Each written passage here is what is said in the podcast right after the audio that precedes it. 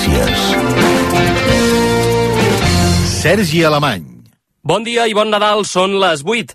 Felip VI adverteix que fora de la Constitució no existeix ni la democràcia ni la convivència. En el seu discurs de Nadal, a més ahir a la nit, el rei reclama respectar la Carta Magna com a mínim bàsic per garantir, diu, un funcionament correcte a tot l'Estat. Fuera del respeto a la Constitución no hay democracia ni convivencia posibles. No hay libertades sino imposición. No hay ley sino arbitrariedad. Fuera de la Constitución no hay una España en paz y libertad. Pràcticament tot el missatge institucional es va centrar a defensar la Constitució espanyola a capa i espasa, que alhora va servir com un missatge d'advertència per tots aquells que es plantegin incomplir-la. I un dels pals de paller de la Constitució, segons Felip VI, és la importància de la unió de tots els espanyols. Es con la unión, con el esfuerzo colectivo, con las actitudes solidarias como se construyen las grandes obras, las que trascienden a las personas, las que duran y permanecen en el tiempo. Es así como un país progresa. Naturalmente en España todo ciudadano tiene derecho a pensar, a expresarse y defender sus ideas con libertad y respeto a los demás. Pero la democracia también requiere unos consensos básicos y amplios el monarca no va dir en cap moment la paraula amnistia, però sí que va dirigir-se de reull a l'independentisme quan va dir que gràcies a la Constitució l'estat espanyol ha superat greus crisis en els darrers anys. Gracias a ella, España consiguió construir y consolidar una democracia plena, abierta e integradora, un Estado social y democrático de derecho que ha asegurado nuestra convivencia y nos ha permitido superar diversas y graves crisis en los últimos años. El rei també va demanar que les institucions respectin la Constitució i es respectin entre elles, assumint cadascuna el rol que li correspon. Cada institución, comenzando por el rey, debe situarse en el lugar que constitucionalmente le corresponde, ejercer las funciones que le estén atribuidas y cumplir con las obligaciones y deberes que la Constitución le señala. Debemos respetar también a las demás instituciones en el ejercicio de sus propias competencias y contribuir mutuamente a su fortalecimiento. Tot plegat amb el debat obert de la renovació del Consell General del Poder Judicial que té enfrontats el PSOE i el PP. Més notícies, els casos de coronavirus, grip i rinovirus continuen creixent aquests dies, en què es disparen les interaccions socials, però els experts confien que el sistema sanitari aguantarà la pressió i podrà aturar el cop. És la previsió que feia el Via Lliure aquest cap de setmana el cap de Medicina Preventiva de l'Hospital Vall d'Hebron de Barcelona, Xavier Martínez. Segons el doctor, la incidència del virus no és alarmant i, de fet, és, diu, similar a la de l'any passat. La previsió en les dues següents setmanes és que hi hagi un creixement d'aquesta incidència de malaltia, però no de moment que sigui tan desbordant com ens havíem previst en altres ocasions. Estem parlant de, de xifres d'incidència, ja us dic, com, com similars a les l'any passat. Llavors el sistema ara mateix és capaç d'aguantar uh, aquesta pressió sanitària. Això quan el Ministeri de Sanitat espanyol ha notificat un augment de gairebé el 40% en la incidència de malalties respiratòries en una sola setmana. S'han disparat sobretot els casos de grip. Els qui més ho pateixen són els infants que tenen entre 1 i 4 anys, però des del Ministeri expliquen que els casos no solen ser greus. I per tots aquells que avui tingueu previst desplaçar-vos en transport públic, heu de saber que el metro de Barcelona i els ferrocarrils de la Generalitat prestaran servei fins a les dues de la matinada. En esports, les aigües del Port de Barcelona acolliran aquest matí la tradicional Copa Nadal. La prova, que enguany celebra l'edició número 114, serà la més multitudinària de la història, amb 427 inscrits i arrencarà a les 11. Els nedadors hauran de fer un recorregut de 200 metres amb entre 13 i 15 graus de temperatura de l'aigua. L'altra gran cita esportiva de la jornada serà ja a la tarda, amb la jornada nadalenca de l'NBA en horari, això sí, europeu. El primer partit serà un New York Knicks Milwaukee Bucks, que començarà a les 6 de la tarda, i a dos quarts de nou del vespre jugarà un Denver Nuggets Golden State Warriors. El més destacat, però, arribarà a les 11 de la nit, el partit que enfrontarà Los Angeles Lakers i els Boston Celtics. Pel que fa al futbol, avui les competicions s'aturen, però reprendran demà mateix, dia de Sant Esteve, amb el tradicional Boxing Day Anglaterra. Es jugaran diversos partits, entre els quals destaca, per exemple, un Manchester United-Aston Villa. I acabarem amb el temps. Comencem el dia de Nadal amb ambient molt fred a les valls del Pirineu i a les planes de l'interior. També és un matí de boires que tornaran a ser més persistents al Pla de Lleida. Aquí el fred continuarà ben viu tot el dia, mentre que a la costa i en zones de muntanya al migdia serà més agradable amb domini del sol. Això és tot per ara, us deixem amb el viatge bé i tornem d'aquí una hora amb més notícies.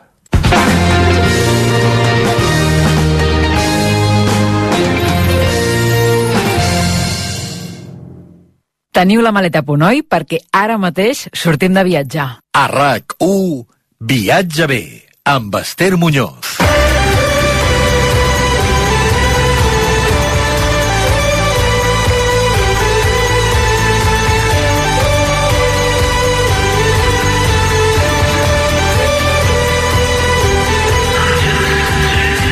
Nadal a tothom, us saludem des del viatge bé de rac en aquest especial 25 de desembre que us hem preparat en forma de regal viatger per acompanyar-vos durant el dia festiu. Així que el que farem durant la propera hora serà visitar alguns dels principals mercats nadalencs europeus oberts encara aquests dies i també farem una escapada d'hivern a l'illa de Mallorca. Preparats?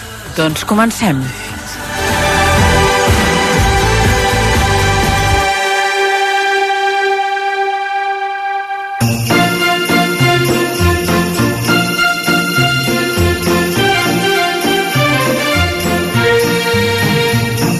Arriba a l'esperit nadalenc el viatge bé de recull i ho fa doncs, en forma de ruta, com no podia ser d'una altra manera.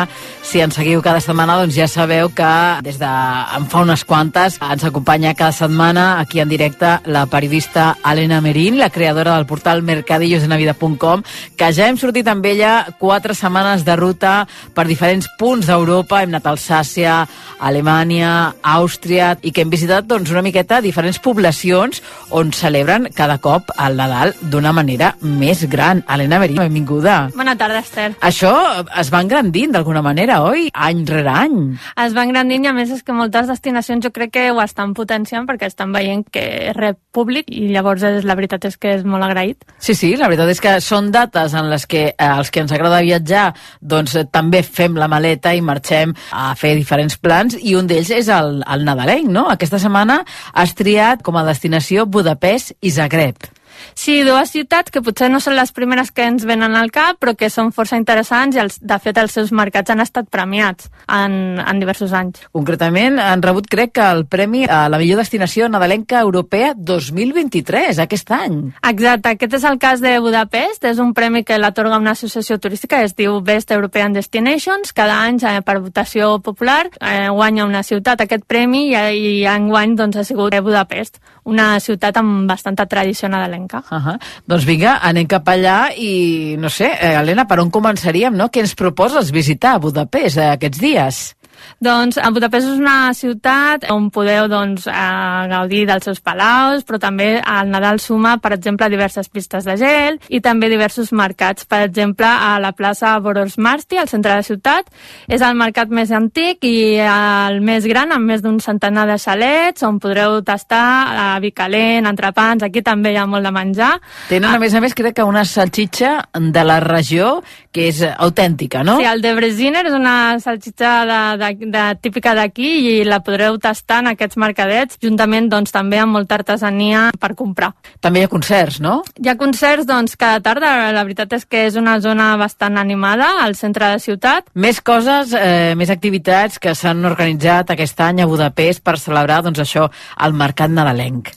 Tenim més mercats, per exemple, la zona Fashion Street, que és una zona comercial amb moltes botigues i per aquestes dates doncs, eh, té una decoració bastant espectacular, ideal per passejar, per fer unes compres. També podeu visitar el mercat de la plaça de Sant Esteve, on trobareu diversos xalets, també és molt cèntric.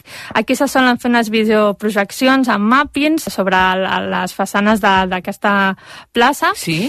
I també, per exemple, al castell de Buda, eh, a Praga doncs, també té ja un mercadet al seu castell, doncs aquí a, Buda, a Budapest també. Habitualment doncs, també s'ha d'instal·lar una petita pista de gel aquí al castell. Fantàstic. I a més a més d'aquests espais, doncs, eh, per la gent interessada, doncs, hi ha la pista de gel, que a més a més és una pista de gel gran en un parc concret de Budapest, no?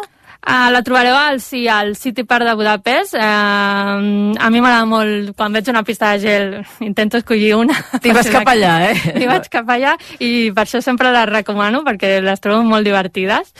I una altra curiositat, doncs, també d'aquí, de, del Nadal de Budapest, són els seus tramvies, perquè per aquesta data es decoren. Segurament, si no pels carrers, Budapest és una ciutat amb molts tramvies pels carrers, els veureu totalment enllumenats, inclús simulen que tenen barrets, eh, i és una estampa molt típica. Com si fossin Pares Noel, directament. Sí, i llavors això ho podeu combinar la visita a Budapest amb, amb altres activitats, doncs els típics als balnearis o fins i tot agafar un tren i anar a Viena. La línia Budapest a i Viena és molt popular, està només a dues hores i també és una zona molt interessant a Fantàstic. Viena. Per doncs escolta, mercats. molt bona idea aquesta, eh? Per la gent que tingui dies poden fer doncs, aquest doble viatge també combinant en, en Viena. Hem vist Budapest, hem repassat què és tot el que s'hi fa eh, aquest Nadal.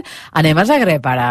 Zagreb és una altra destinació que potser no, no, no ens ve a la ment quan passem un mercat de Nadal, però també té molta tradició en aquest àmbit i de fet també ha estat en anteriors edicions una de les eh, guanyadores d'aquests premis de Best European Destinations per Ahà. Nadal. Llavors a Zagreb podeu visitar el mercat nadalenc de la plaça Tomislav eh, davant de l'estació de trens amb xalets per menjar, per comprar artesania i també de nou la pista de gel. Veus que jo sempre m'agrada molt Que no se'ns oblidi, eh?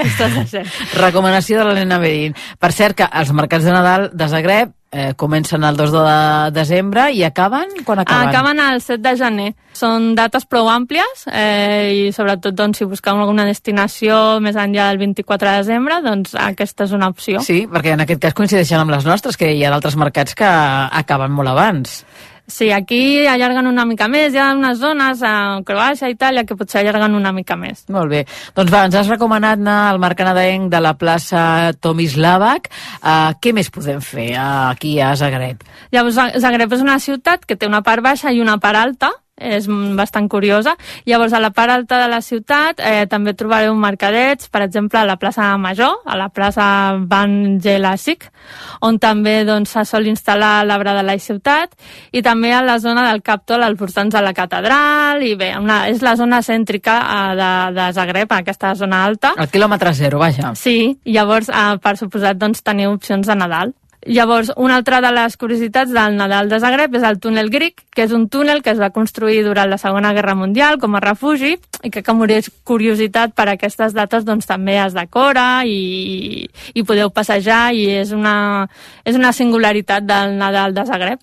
Doncs aquest és el resum ràpid que avui ens ha fet l'Helena Merín, la creadora del portal mercadillosdelavida.com, si eh, heu triat o si us decidiu per anar a Budapest i a Zagreb a, a aquest Nadal a visitar els seus mercats. Helena, t'esperem i ens portaràs doncs, a, a la casa del Pare Noel. A un lloc molt màgic. Sí, sí, que a més aquest any ja ho hem explicat aquí al Viatge B, teniu el vol directe de Vueling, que això és una novetat, una estrena mundial, i escolta'm, si algú s'hi anima, doncs encara eh, hi sou a temps. Gràcies a tots. Adeu.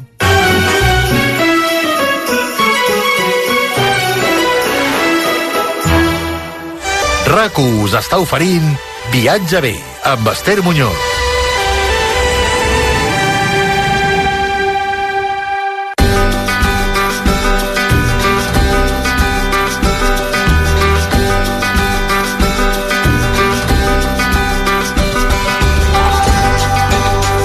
Nadal és sinònim de celebracions familiars, de tradicions i també d'escapades viatgeres. Per això avui us portem a una illa que no només és un destí estiuenc, també és una elecció perfecta per l'hivern i per les festes nadalenques. Ara mateix us portem a Palma i és que la capital de l'illa de Mallorca ens ha preparat un munt de plans per aquests dies que ara mateix repassarem amb el senyor Pedro Omar, que és el gerent de la Fundació Palma 365, l'oficina de turisme de Palma. Senyor Omar, bona tarda, benvingut al viatge de rac i bones festes.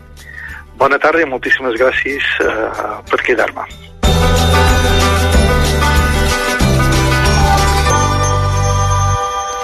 Bé, com diu la Fundació Palma 365, la capital de l'illa és una molt bona opció per tot l'any. Jo diria fins i tot, eh, senyor Omar, eh, a veure què en pensa vostè, que eh, si deixem el sol i les platges a banda, fins i tot és millor ara que durant l'estiu. Què en pensa vostè? Sí, totalment d'acord. Eh, és a dir, nosaltres, eh, afortunadament, eh, podem, som una destinació de tot l'any i, i se pot gaudir de, de, capi- de la capital i de Palma en qualsevol època de l'any, però sí que és vera que ara, en temporada mitja i baixa, està tot més tranquil·lat. Per tant, pots gaudir de la ciutat d'una manera diferent de, de lo que seria un, un ple més d'estiu. La catedral de Mallorca, aquesta és la gran joia arquitectònica de Palma. Sí, sí, sí, de fet també, eh, òbviament, eh, és, és una visita obligada de tots els que venen a Palma i, i de fet, eh, 40% de, de, dels turistes que... Mira, Palma, perquè tingueu una idea, rep anualment uns 6 milions de turistes. Déu-n'hi-do. Sí, sí, ja ja n'hi ha, ja n'hi ha. I jo diria que el 99% d'aquests 6 milions, sí o sí, visiten uh, la seu i, i en l'estiu es veure que com que està obert, eh, obert a les terrasses i tot el que es pot pujar a les terrasses, clar, és una visita obligada i molt més per poder contemplar una, una visió de la ciutat de, de, de, de tot el que és la part més alta de, de, de la seu. Sí. Clar, és que estem parlant d'un dels temples eh, gòtics més eh, admirats de tot el món, que a més a més, no sé si molta gent ho sabrà, ha estat intervingut eh, tant per Antoni Gaudí com per Miquel Barceló. Així és, sí, de fet, eh, de fet són, són dues intervencions molt significants que tant la intervenció de, de l'Antoni Gaudí com de, de, de Miquel Barceló varen canviar molt el que és la fisonomia de, de la seu, no només és el que va fer l'Antoni Gaudí, que és tot el que és el Tar Major, com el que és la capella que va intervenir en Miquel Barceló, són dues intervencions molt diferents i molt novedoses per el moment que se varen produir, eh, moment històric i moment eh, que se varen produir i el resultat final. És a dir, val la pena només visitar la seu per aquestes dues intervencions. Òbviament, la seu és un monument meravellós, però visitar només per, per conèixer tot el que va fer el Gaudí i el que va fer el Miquel Barceló, només per aquestes dues coses ja val la pena visitar la seu. Doncs ho tindrem en compte, que ho tinguin en compte els nostres oients, com també doncs, han de tenir en compte que un dels monuments monuments que es pot visitar més tranquil·lament en aquesta època de l'any, almenys sense cues també, és el Palau de l'Almudaina. Sí, sí, sí. De fet, és, és la visita més, més lògica, és a dir, perquè el, el Palau de l'Almudaina de l'Almudaina està just davant de la seu, sí. per tant, la seu és anar, lo, lo, lo, lo millor és anar primer, visitar tot el que és la seu, passar i, i, i, i, i, bueno, i descobrir tot el que la seu te, te, te pot uh, mostrar i després, just davant, tens el Palau de l'Almudaina. Per tant, és una visita que molta de gent la fa en el mateix moment perquè per la proximitat. I l'Almudaina, no, uh, per de dins, està molt bé perquè hi ha un pati molt interessant, que és un pati que el fem servir molt, molt sovint. Eh, òbviament, l'Almudaina és de patrimoni nacional, eh, per tant, està un poc limitat el que se pot fer allà, però eh, sí que el fem servir molt per tot un, uns, uns concerts que són, en els més, eh, que són a l'estiu, que valen la pena, i és una manera també de conèixer tot el que és el pati de, de, del Palau de l'Almudaina. I també eh, és un palau àrab, per tant, és molt interessant la contraposició entre la seu i l'estil que té la seu i l'estil que té el Palau del Mudaina.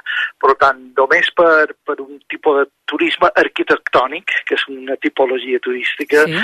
també val la pena venir i, i mirar des d'un punt de vista arquitectònic el que, lo que és la seu i el que és el Palau del Mudaina. Clar, és el contrast entre aquests dos perfils eh, propis mallorquins de l'skyline de la ciutat de Palma. Exacte, així és, així és, així és. Sí, sí, de fet, de fet, si tu demanes a qualsevol, si fessis un concurs d'idees per dibuixar un skyline, segur que tothom te dibuixaria aquests dos indrets com els dos indrets principals de l'Skyline de Palma. Totalment. Senyor Mar, anem amb altres propostes interessants pels oients que s'animin a visitar-los ara eh, per vacances de Nadal, eh, per eh, l'inicis del 2024. Per exemple, tenen vostès una ruta molt curiosa pels comerços emblemàtics de la ciutat, no? Estem parlant d'una ruta guiada, d'una ruta per fer per lliure? Com funciona exactament?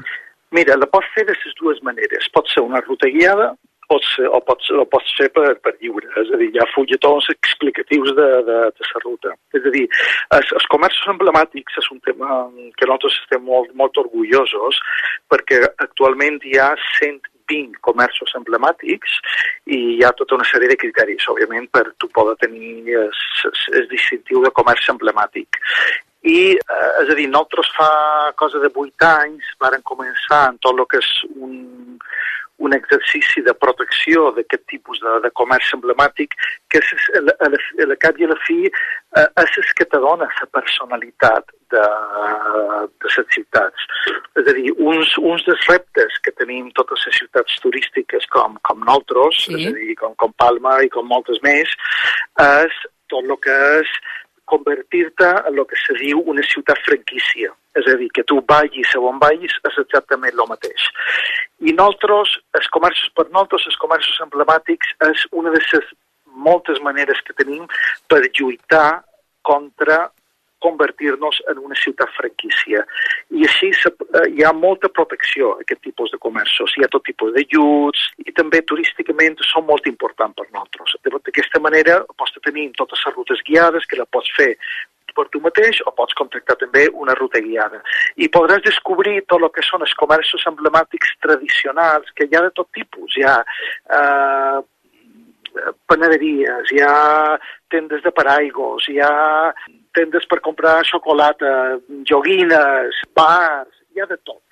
I això te donarà una, te dona una idea de lo que en, de, de, de, dels comerços que teníem a la ciutat i que molts d'ells encara estan operatius i molts d'ells encara estan eh, gestionats per les famílies originàries. I, de fet, tu pots eh, parlar amb molt d'aquestes famílies quan vas a visitar el comerç perquè uh mhm. -huh. encara estan despatxant a, a la tenda, a la botiga, uh, i, i te poden explicar i contar la història de la botiga, la història de les generacions que han fet feina... Doncs senyor Mar, estic pensant que això és mm, això que acaba d'explicar és molt interessant de cara a fer la carta als Reis i encarregar que passin per la industrial o fins i tot per les persones que vinguin a visitar-los eh, sí. per, per comprar un regal, un detall, un souvenir per portar Clar després sí. a casa, oi? Sí. Així és, així és, i, i jo què sé, i molt de col·leccionistes de, de, de, de pepes antigues, per exemple, pots anar a la industrial i ells s'encarreguen i ja te la troben. És a dir, i, o sigui, és un concepte de comerç dir la industrial com, com, com a exemple, però és un concepte de comerç, és comerç emblemàtic, que són tots aquests comerços tradicionals que malauradament a poc a poc les ciutats s'han perdut. Clar, clar. Eh, totes, totes les ciutats sí, del món, sí, eh? sí, a poc a poc sí. les han perdudes. I llavors nosaltres fem un esforç molt important per mantenir i, i assegurar-nos que, que la supervivència d'aquestes empreses. Sí, sí, entre tots hem de, hem de lluitar per això, que aquesta identitat col·lectiva, aquesta memòria es mantinguin. Clar que sí. Vostè és el que li deia, tenim 120 comerços emblemàtics en l'etiqueta de comerç emblemàtic. Uh -huh. És a dir, ja n'hi ha, ja n'hi ha. Uh -huh. Per tant, entenc que uh, si podem parlar amb les persones que porten els negocis, les visites es fan en horari comercial. Sí, sí, sí, són sempre en horari comercial, sempre, absolutament. Sí, sí. Va, senyor Omar, anem amb altres eh, activitats que podem fer a Palma de Mallorca aquests dies. Ens ha criat especialment eh, a l'equip del programa l'atenció als mercats gastronòmics nocturns que tenen a Palma. M'agradaria que, que ens expliqués quins són aquests mercats i quina és l'experiència que ens ofereixen. Sí, mem, són, són mercats gastronòmics que, que, que per, per Barcelona i per moltes capitals de Catalunya també els tindran. Eh? És a dir, però la diferència és que el nostre Nadal i el nostre mes de gener, que després en el final xerrarem del mes de gener, eh, és a dir, eh, està tot, tota l'activitat està sempre plantejada a l'aire a l'aire lliure. Val?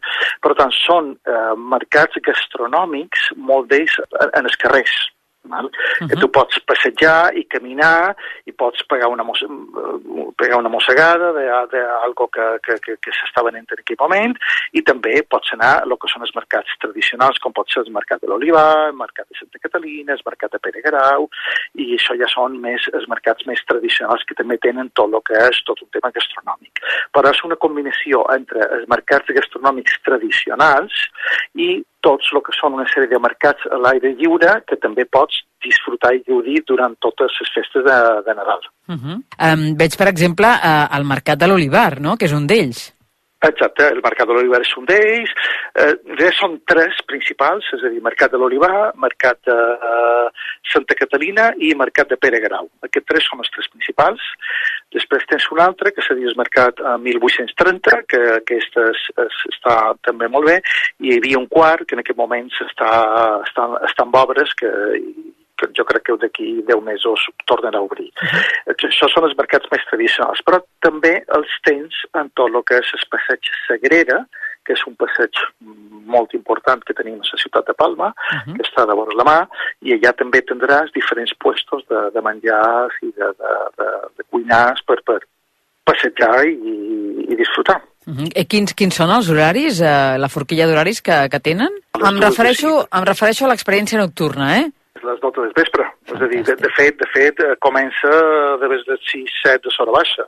És a dir, és més pensada per, per, per cap vespre i, i vespre. És a dir, fins les 12 eh, ho pots, ho pots, ho pots veure.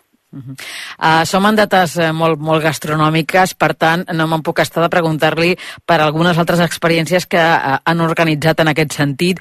Una d'elles és una experiència culinària única uh, que es tracta de la preparació conjunta d'un menú mallorquí tradicional. M'agradaria que ens resumís, senyor Mar, exactament eh, com és un menú mallorquí tradicional. pues cada casa té el seu menú tradicional. sí. bueno, és, és vera, és a dir, uh, bueno, un menú, Anem, nosaltres, el que és un menú tradicional per aquestes, per aquestes dates, sí? uh, de, de lo que és uh, el Nadal, sempre, sempre, és a dir, la nostra cuina tradicional de Nadal, eh, òbviament estan tots els dolços meravellosos que tens eh, de, de Nadal, com el que és la coca de torró, mm. o la coca de patata, o, eh, és a dir, això és, eh, és molt tradicional de, per, per, nostre, per, eh, en el nostre Nadal. Sí?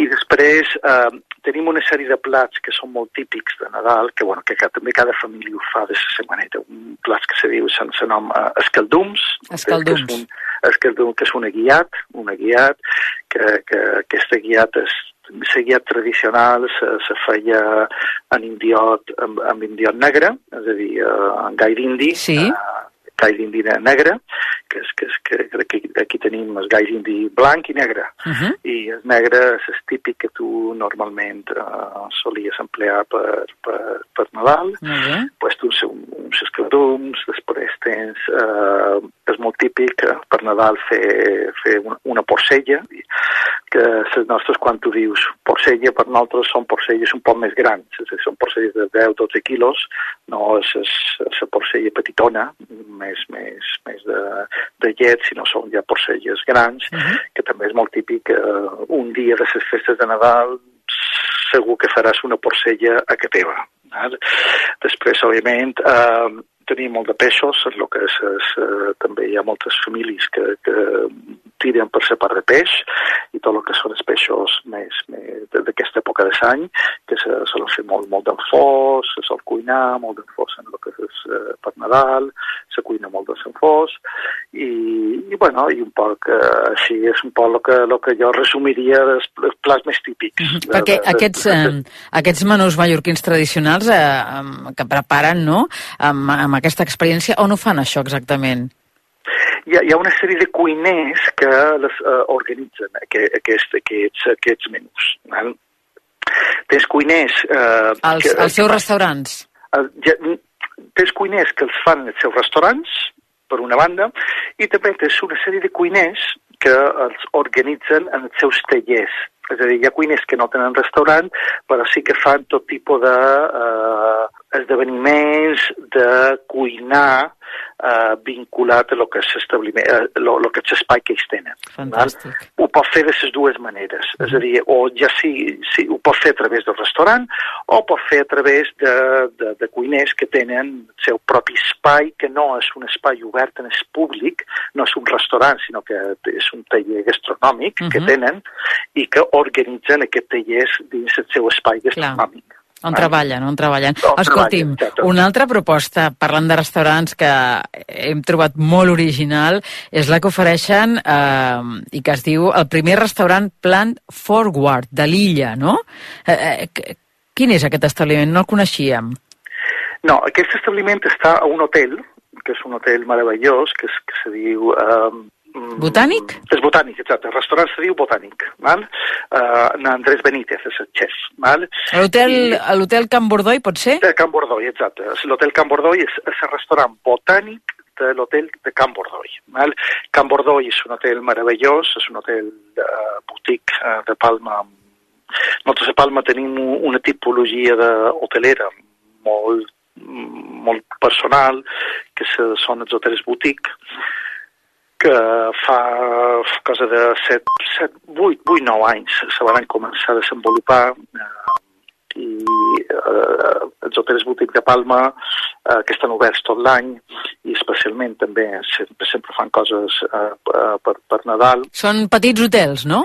Són petits hotels, però la tipologia d'aquests hotels és que són petit, petits hotels que estan tots eh, a palaus antics són palaus antics o cases senyorials uh -huh. eh, que existien en tot el que és el casc antic, que eh, gràcies a una llei que se va aprovar fa una sèrie d'anys, una llei turística, se va permetir la reconversió de molt de puestos d'aquest tipus que estaven tancats perquè no hi havia manera de mantenir palaus o casals, grans casals antics, perquè ja les famílies no ho podien mantenir, etc. Pues molt d'aquests casals i palaus se van reconvertir en el que són uh, hotels boutique, que de fet tenim 28 d'aquests hotels boutique, i tots són, tots són uh, hotels uh, gran lujo i són meravellosos, mm -hmm. uh, que tenen Totalment. 10, 12, 15, 17, 20, 22 habitacions com a màxim. Estàvem, estàvem parlant, senyor Mar, d'aquest eh, hotel Can Bordoi, eh, i d'aquesta proposta que tenen, que és eh,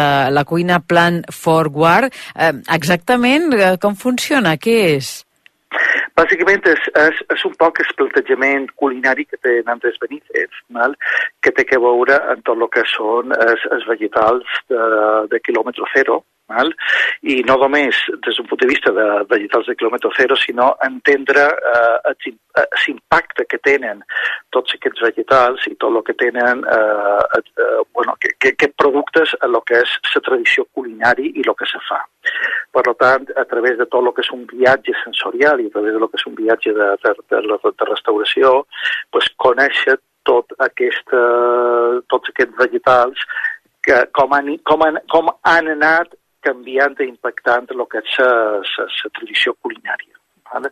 I és molt interessant no només el que fa el botànic, el restaurant, que ja el seu nom ja ho diu, sinó també el puesto on està aquest restaurant, que, com deia, l'hotel és una meravella. Uh, estem acabant, uh, ens queda poc temps, però hi ha dues coses que li vull demanar uh, abans de marxar.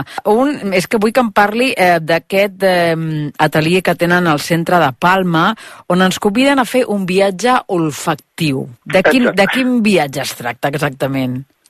És a dir, tu pots, eh, és a dir, a través de lo que són eh, els, els extractes d'olors, pots fer viatges a través de tot el que és la Mediterrània. Val? És un poc aquesta la proposta.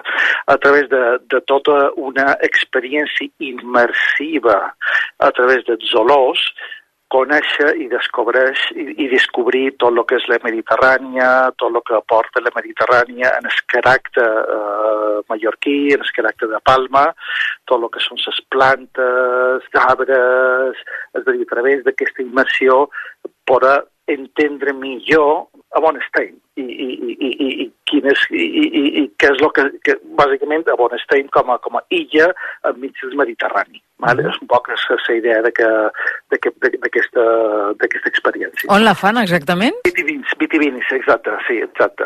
I el que li comentava, eh, que també m'interessava molt saber, és que mm, el dia 20 de gener és un dia important a Palma perquè celebren vostès Sant Sebastià, que és el seu patró.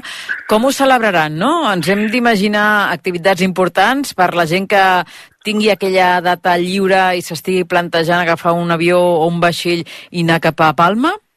Sí, mira, i estic, i estic content que, que acabam amb aquest tema perquè Sant Sebastià és una festa molt important per nosaltres. És a dir, és el nostre, és el nostre patró, òbviament, i la diferència, bueno, i el que fa diferent Sant Sebastià és que és, mes de gener, òbviament, i clar, eh, tothom pensa que és una festa un poc eh, trista, perquè ha terminat, ha acabat Nadal i està el mes de gener. I no és així. De fet, nosaltres, per nosaltres, Nadal finalitza just després de Sant Sebastià. Ah. I, de fet, tot, tot, tots els llums de Nadal estan posats fins després de Sant Sebastià. Per tant, tenim un Nadal un poc més llarg de lo que tothom se pensa. I les festes de Sant Sebastià són 10 dies de festa, de tot tipus de festa, tot tipus d'activitats, però el dia més potent és el de nou eh, vespre, Sí? que és de nou vespre, eh, tota la ciutat se tanca en el tràfic, absolutament tota, i a totes les places públiques de la ciutat se posen tot tipus de, de, de, de, de graelles i la gent surt amb el seu menjar a fer torrades, val?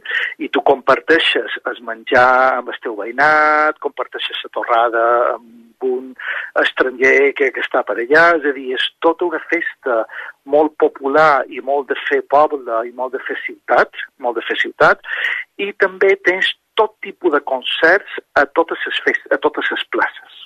És a dir, a una plaça tens grups que toquen jazz, a una altra plaça tens grups que toquen música electrònica, a una altra plaça tens música de ball de bot, que és balls tradicionals de nostres, i tu estàs torrant, sopant, dinant, xerrant amb el veïnat, xerrant amb el turista que acabes de conèixer, gaudint de lo que és una festa molt popular, una festa de fer barri, de fer ciutat, de fer poble, de fer país, i eh, compartint tot aquest temps i tot aquest moment i després vas d'una plaça a l'altra. És a dir, és, és molt interessant perquè és a l'aire lliure, mm, faci el temps que faci, tothom surt en el carrer, tothom passeja, tothom disfruta, riu, eh, ho, ho passa molt bé. Per tant, és una festa molt important per nosaltres i ens agrada molt. I clar, abans de Sant Sebastià tenim Sant Antoni, que Sí. també és una festa molt arraigada a les Balears Quan, quan la celebren? el dia 16 de gener. Per tant, tu enganxes primer en el que és Sant Antoni, finalitzes Sant Antoni, que és una festa molt important per tots el que són els pobles de, de l'illa de Mallorca. Uh -huh. Molt de pobles de l'illa de Mallorca, el seu, el seu patró és Sant Antoni.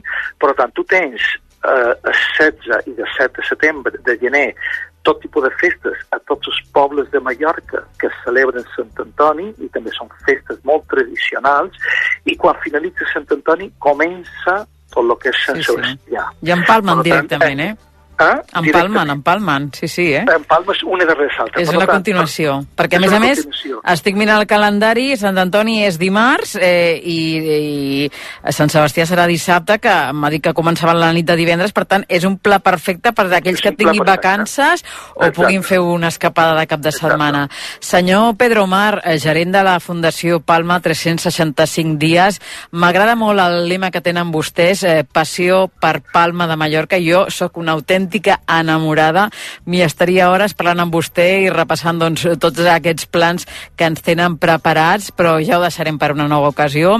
Que, acabem, que acabin de passar un molt bon 2023, que tinguin una molt bona entrada 2024 i esperem tornar-los a visitar i tornar-ne a parlar. Que vagi molt bé. Moltíssimes gràcies. Una abraçada. Adéu, una abraçada. Bones tardes.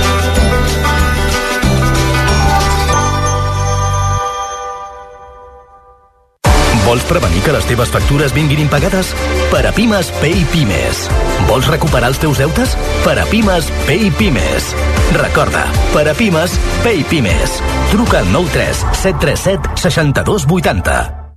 Lo tiene el guiri y el granjero, la influencer y el abuelo, el que cocina el capón y el que compra el cotillón. Es un extra de ilusión. Ja tens el cupó de l'extra de Nadal de l'11? No te'n quedis sense. El primer de gener, cupó extra de Nadal de l'11, amb 80 premis de 400.000 euros. Tots tenim un extra d'il·lusió.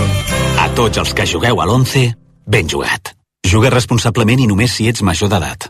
Contracta la teva assegurança de mascota amb Berti des de només 30 euros l'any i compleix amb la nova llei per evitar multes i imprevistos. Calcula el teu preu a Berti.es. Estalvia temps, estalvia diners.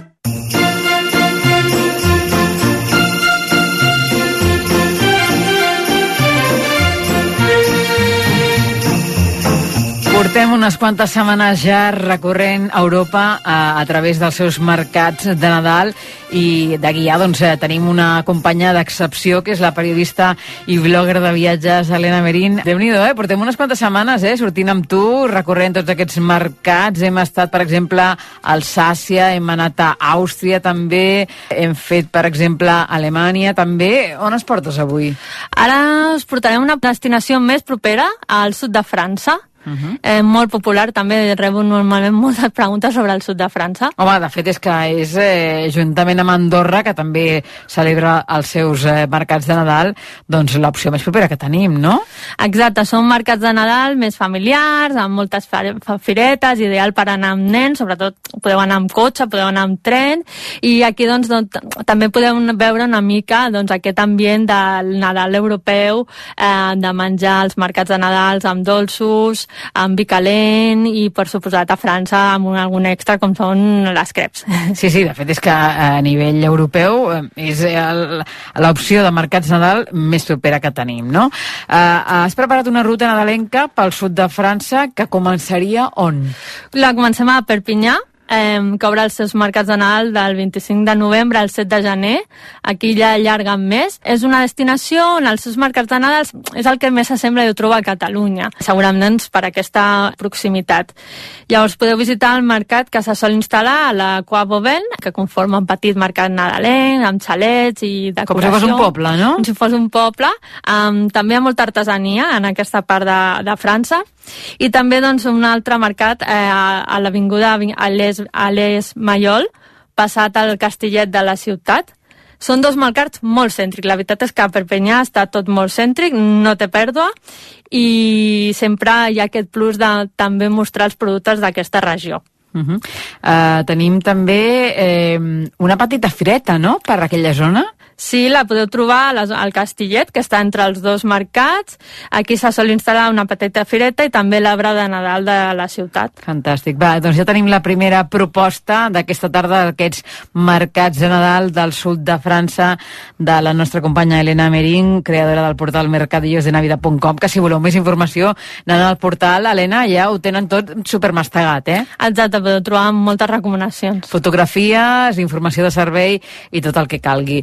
Uh, cap a on ens portes en aquesta segona parada de la ruta nadalenca pel sud de França? La segona parada és el Village de Noel de Barcarès, que obre aquest any del 25 de novembre al 8 de gener.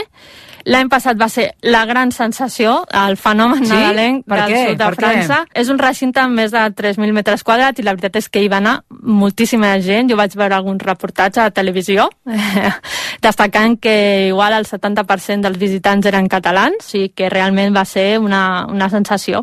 No, no, i també s'ha de dir que, clar, és que l'any passat veníem de Nadals anteriors de pandèmia, en els quals no ens havíem pogut moure, en els quals tampoc s'havien celebrat, i clar, l'any passat va ser com una miqueta l'obertura de portes i vam sortir tots escopatejats, d'alguna Sí, i manera. això se li va sumar doncs, que eh, realment es va posar molt de moda aquest fenomen nada- nadalenc, jo penso, a les xarxes socials i, i aquest Nadal, aquest mercat de Nadal, aquest village entra pels ulls. Aquí l'objectiu és gaudir del concepte de Nadal gràcies a una espectacular il·luminació, té molts xalets de menjar, d'artesania, però també moltes atraccions d'oci adreçades als nens, on no falten els cavallets, els carrusels, les nòries, pistes de gels, pistes de quad... És un espai molt gran. També hi ha un recinte on, a banda de menjar els xalets, també hi ha una zona de restaurants. Ens deies que, que l'any passat realment va ser una sensació, que el 70% dels visitants eren catalans. Clar, mm, també és veritat que mm, en aquestes escapades moltes vegades també fa molta mandra trobar tantíssima gent, no? No sé si eh, hi hauria alguna manera d'evitar doncs, aquestes aglomeracions tan grans. Jo recomano, és un mercat que obre durant molts dies, llavors si podeu trobar durant les festes eh, alguns dies entre setmana, la veritat és que pot ser que trobeu moltes menys cues i que l'experiència al final doncs, sigui doncs, més, a, més agradable i que aprofiteu més allà el temps. Jo, per exemple, el vaig visitar el divendres després del pont de desembre. L'any passat? Sí, l'any passat, uh -huh. i, i vaig poder aparcar fàcilment a la porta i, i vaig estar molt bé. Uh -huh. A més a més d'aquestes eh, atraccions, s'organitza alguna cosa més, Helena?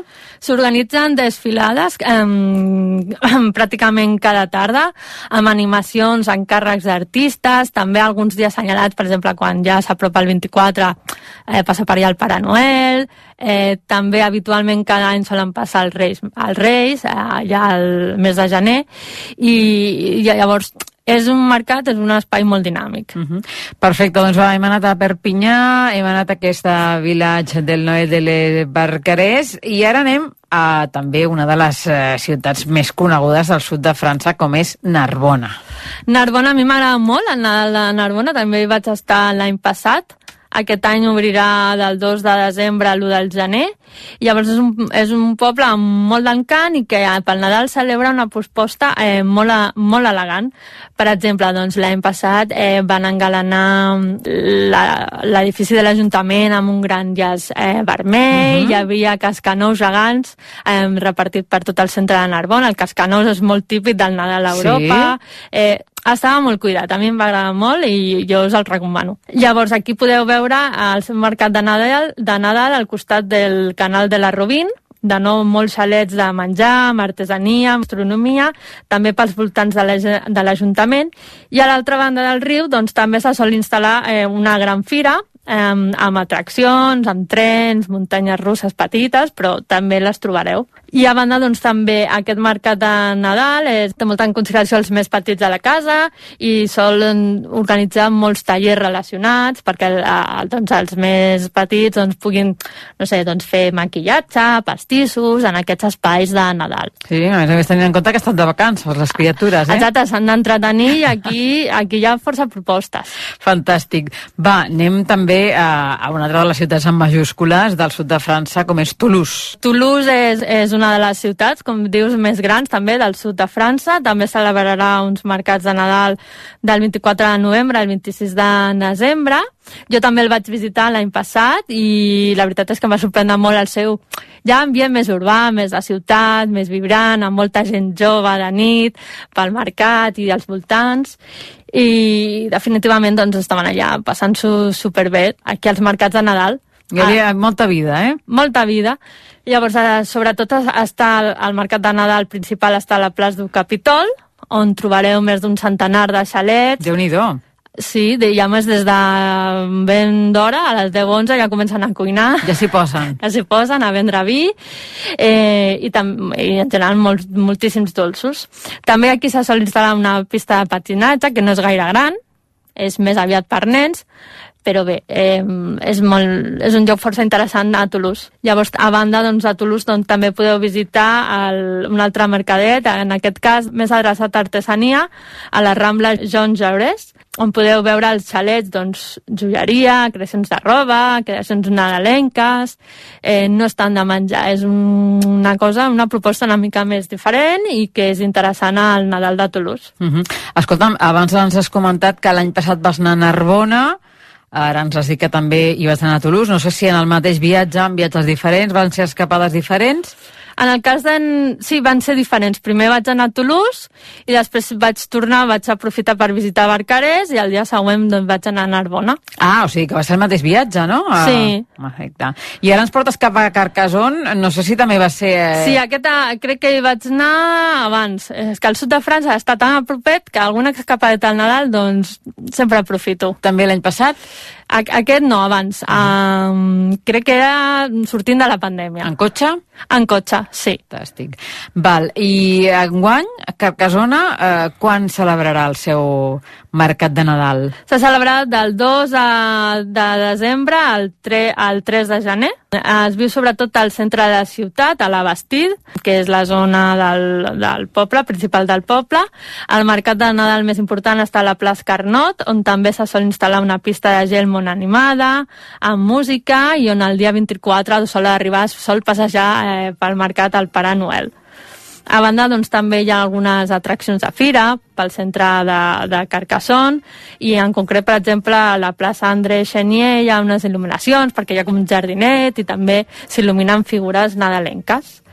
Llavors, a Carcassonne, un altre esdeveniment molt característic és la marxa d'antorxa. Llavors, aquesta marxa es baixa amb una antorxa a la mà, ja de nit, des de la Cité, fins a baix al poble.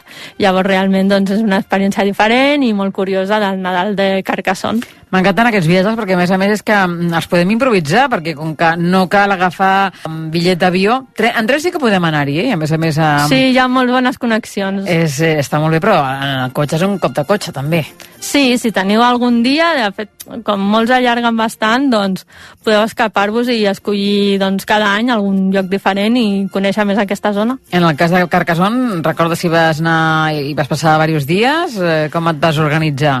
A Carcassonne vaig passar un dia, vaig fer... Una nit. Sí, vaig fer una nit uh, als voltants de Barcarès. Barcarès he anat dos cops, perquè cada any doncs, van canviant una mica i, i si puc doncs també m'hi acosto. És l'excusa, l'excusa perfecta de l'Helena Merín per anar de viatge en aquesta època de l'any que ens ve molt de gust i que realment tenim moltíssimes alternatives i ara mateix el que farem serà agafar un avió, un avió de la companyia Vueling que aquesta temporada doncs, ens ha sorprès amb aquest nou vol que es va inaugurar el 2 de desembre i que ens porta cap a Finlàndia, concretament cap a Romanievi i la Lapònia, que és on resideix el Pare Noel. Helena Merín, bona tarda. Bona tarda. Una molt bona notícia aquesta, suposo que tu estàs contenta, oi? Molt bona notícia, jo quan ho vaig saber vaig dir mira que bé, així més a prop. Hi has anat o no?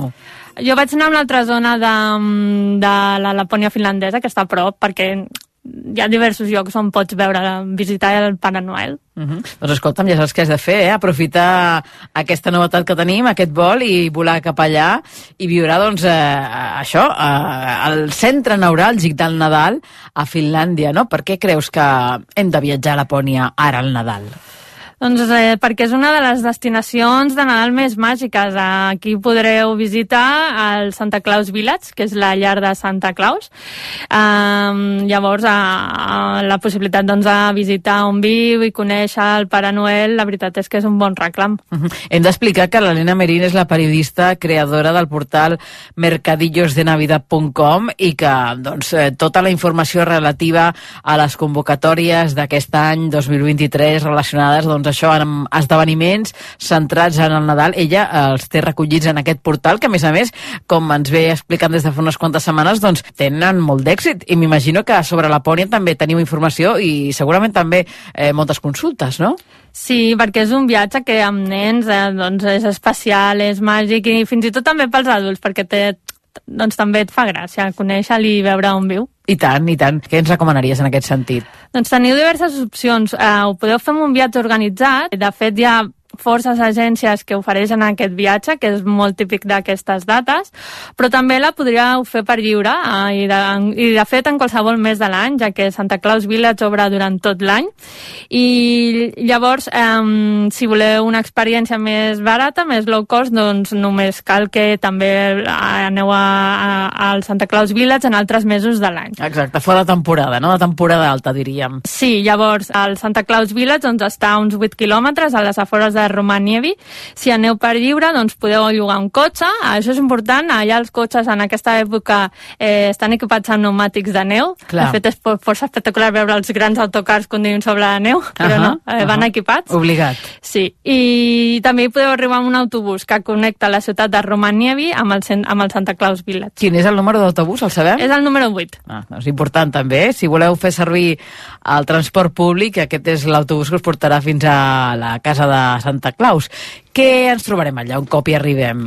Doncs el Santa Claus Village és, és un centre amb diferents espais. Mm, El, un dels més importants és el, la Santa Claus Office. Aquí podreu veure l'oficina del Pare Noel, on treballa tot l'any per llegir les cartes que rep, per organitzar una mica doncs, com, com distribuirà els regals.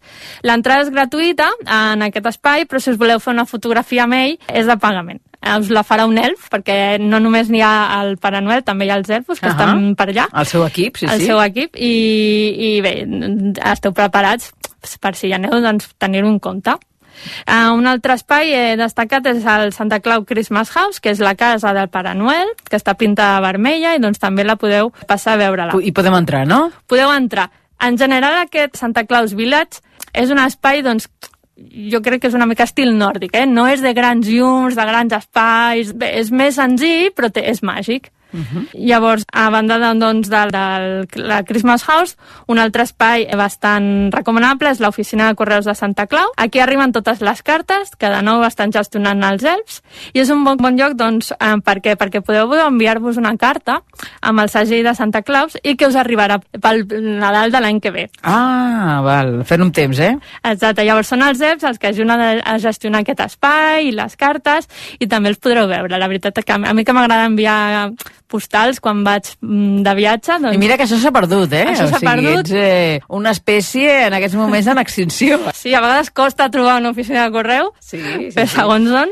I escolta'm una cosa, eh, tots aquests espais, el Santa Claus Christmas House, l'oficina de correus de Santa Claus, l'oficina de Santa Claus, estan a prop? Sí, estan a prop. És un espai bastant acotat, que té una plaça central i, de fet, són com edificis que hi ha al voltant d'aquesta plaça.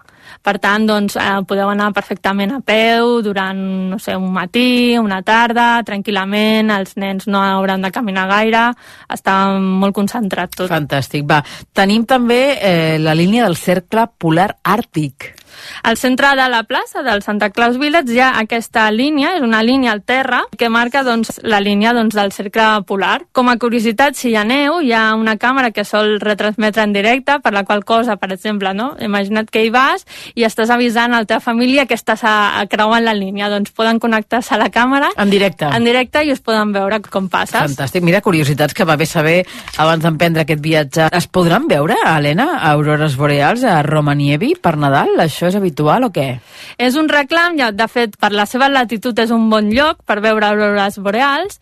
També al desembre han de tenir en compte doncs, que hi ha poques hores de llum, no arriba a les 3 hores, i això és important doncs, a l'hora de, de, afavorir el fet de veure-les però sí que és veritat que no és un dels millors mesos, sol nevar i el cel eh, sol estar bastant cobert. De fet, jo quan vaig anar allà a una altra zona, sí? també ho vaig intentar, però eh, cada nit estava ennubulat. Llavors es necessiten cel, cels clars per veure-les. Són millor potser els mesos d'octubre, novembre, febrer i març. Recordeu que podeu anar al Santa Claus Village, sempre està el, el Pare Noel, tots els dies de l'any, llavors eh, doncs aprofiteu i si aneu a una altra època, doncs potser podeu veure aurores. Doncs escolta'm, això és important el que acabes de dir, eh? Perquè la, la gent ho sàpiga, no? Que eh, si el que voleu és veure aurores boreals, eh? Aquest és una miqueta l'objectiu del viatge, no tant el que seria pròpiament el Nadal, doncs escolta'm, l'opció octubre-novembre o febrer-març també és bona. També és bona i, i la veritat és que és un somni. Jo les estic perseguint encara. No n'has vist cap? No. Escolta'm, Costen. això és un premi, sí, sí, eh? Costa. És més difícil del que sembla perquè són molts factors i la natura al final no la pots controlar. a seguir intentant i al final segur que ho aconseguiràs. Helena, on ens recomanaries dormir? Quines opcions tenim? Podeu dormir dins del mateix Santa Claus Village, que també té diversos espais per allotjar-vos. Eh, ja tenen cabanes, fins i tot tenen un hotel iglú, tot i que són opcions més cares. Podeu trobar allotjaments una, una mica, una relació qualitat-preu una mica més bona, als voltants de Romanievi. De fet, hi ha forces apartaments i molts d'ells doncs, tenen saunes. Això és molt típic a Finlàndia. Vas a una casa, a un apartament i, o a un hotel i sempre hi ha una sauna. I després també hi ha les motos de neu, no? Sí, l'experiència a Finlàndia es complementa amb motos de neu. Eh, N'hi ha motos grans, per conduir-les necessites les grans un carnet de conduir, eh, de cotxe, aquest serveix, però també n'hi ha pels més petits. Els nens també poden conduir-les. Com resumiries aquesta experiència que, que estàs explicant de, de la cultura del fred i l'hivern també en aquests dies de Nadal? Sigui, a banda de, de l'aspecte nadalenc, és molt interessant per veure doncs, això el que estem comentant, aquesta cultura del fred, de, de, de com viuen, de, de com et mous per allà quan hi ha neu. No tingueu por del fred, perquè si feu activitats a l'aire lliure, com amb les motos, us donen un monotèrmic que us tapa bastant i, i no passareu tant de fred. O sigui, que anirem ben equipats, no cal portar la maleta plena de roba d'esquí o roba d'hivern, perquè tot això ja ens ho donaran allà directament, no? Podeu, po- la podeu complementar, però sí, allà us donaran roba bona. Fantàstic, doncs jo crec que ja tenim tota la informació de serveis i l'objectiu aquest Nadal és anar a Lapònia, estrenar aquest vol de la companyia Vueling. Helena, moltíssimes gràcies. Gràcies a vosaltres. Ens retrobem d'aquí uns dies que ens portaràs cap a la República Txeca. Una destinació també superinteressant. Doncs t'hi esperem, que vagi bé.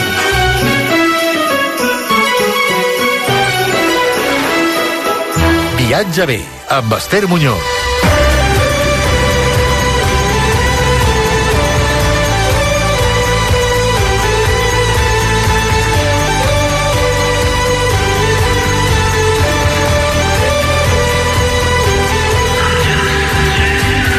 Fins aquí aquest viatge bé especial Nadal. Gaudiu molt del dia, també del Sant Esteve de demà i no guardeu la maleta gaire lluny perquè ens retrobem el proper dissabte 30 de desembre a les 3 i 3 de la tarda per portar-vos novament de viatge. Que vagi molt bé. Senyores i senyors, en nom d'Ester Muñoz i tota la tripulació del Viatge B, gràcies per viatjar amb rac i fins dissabte que ve.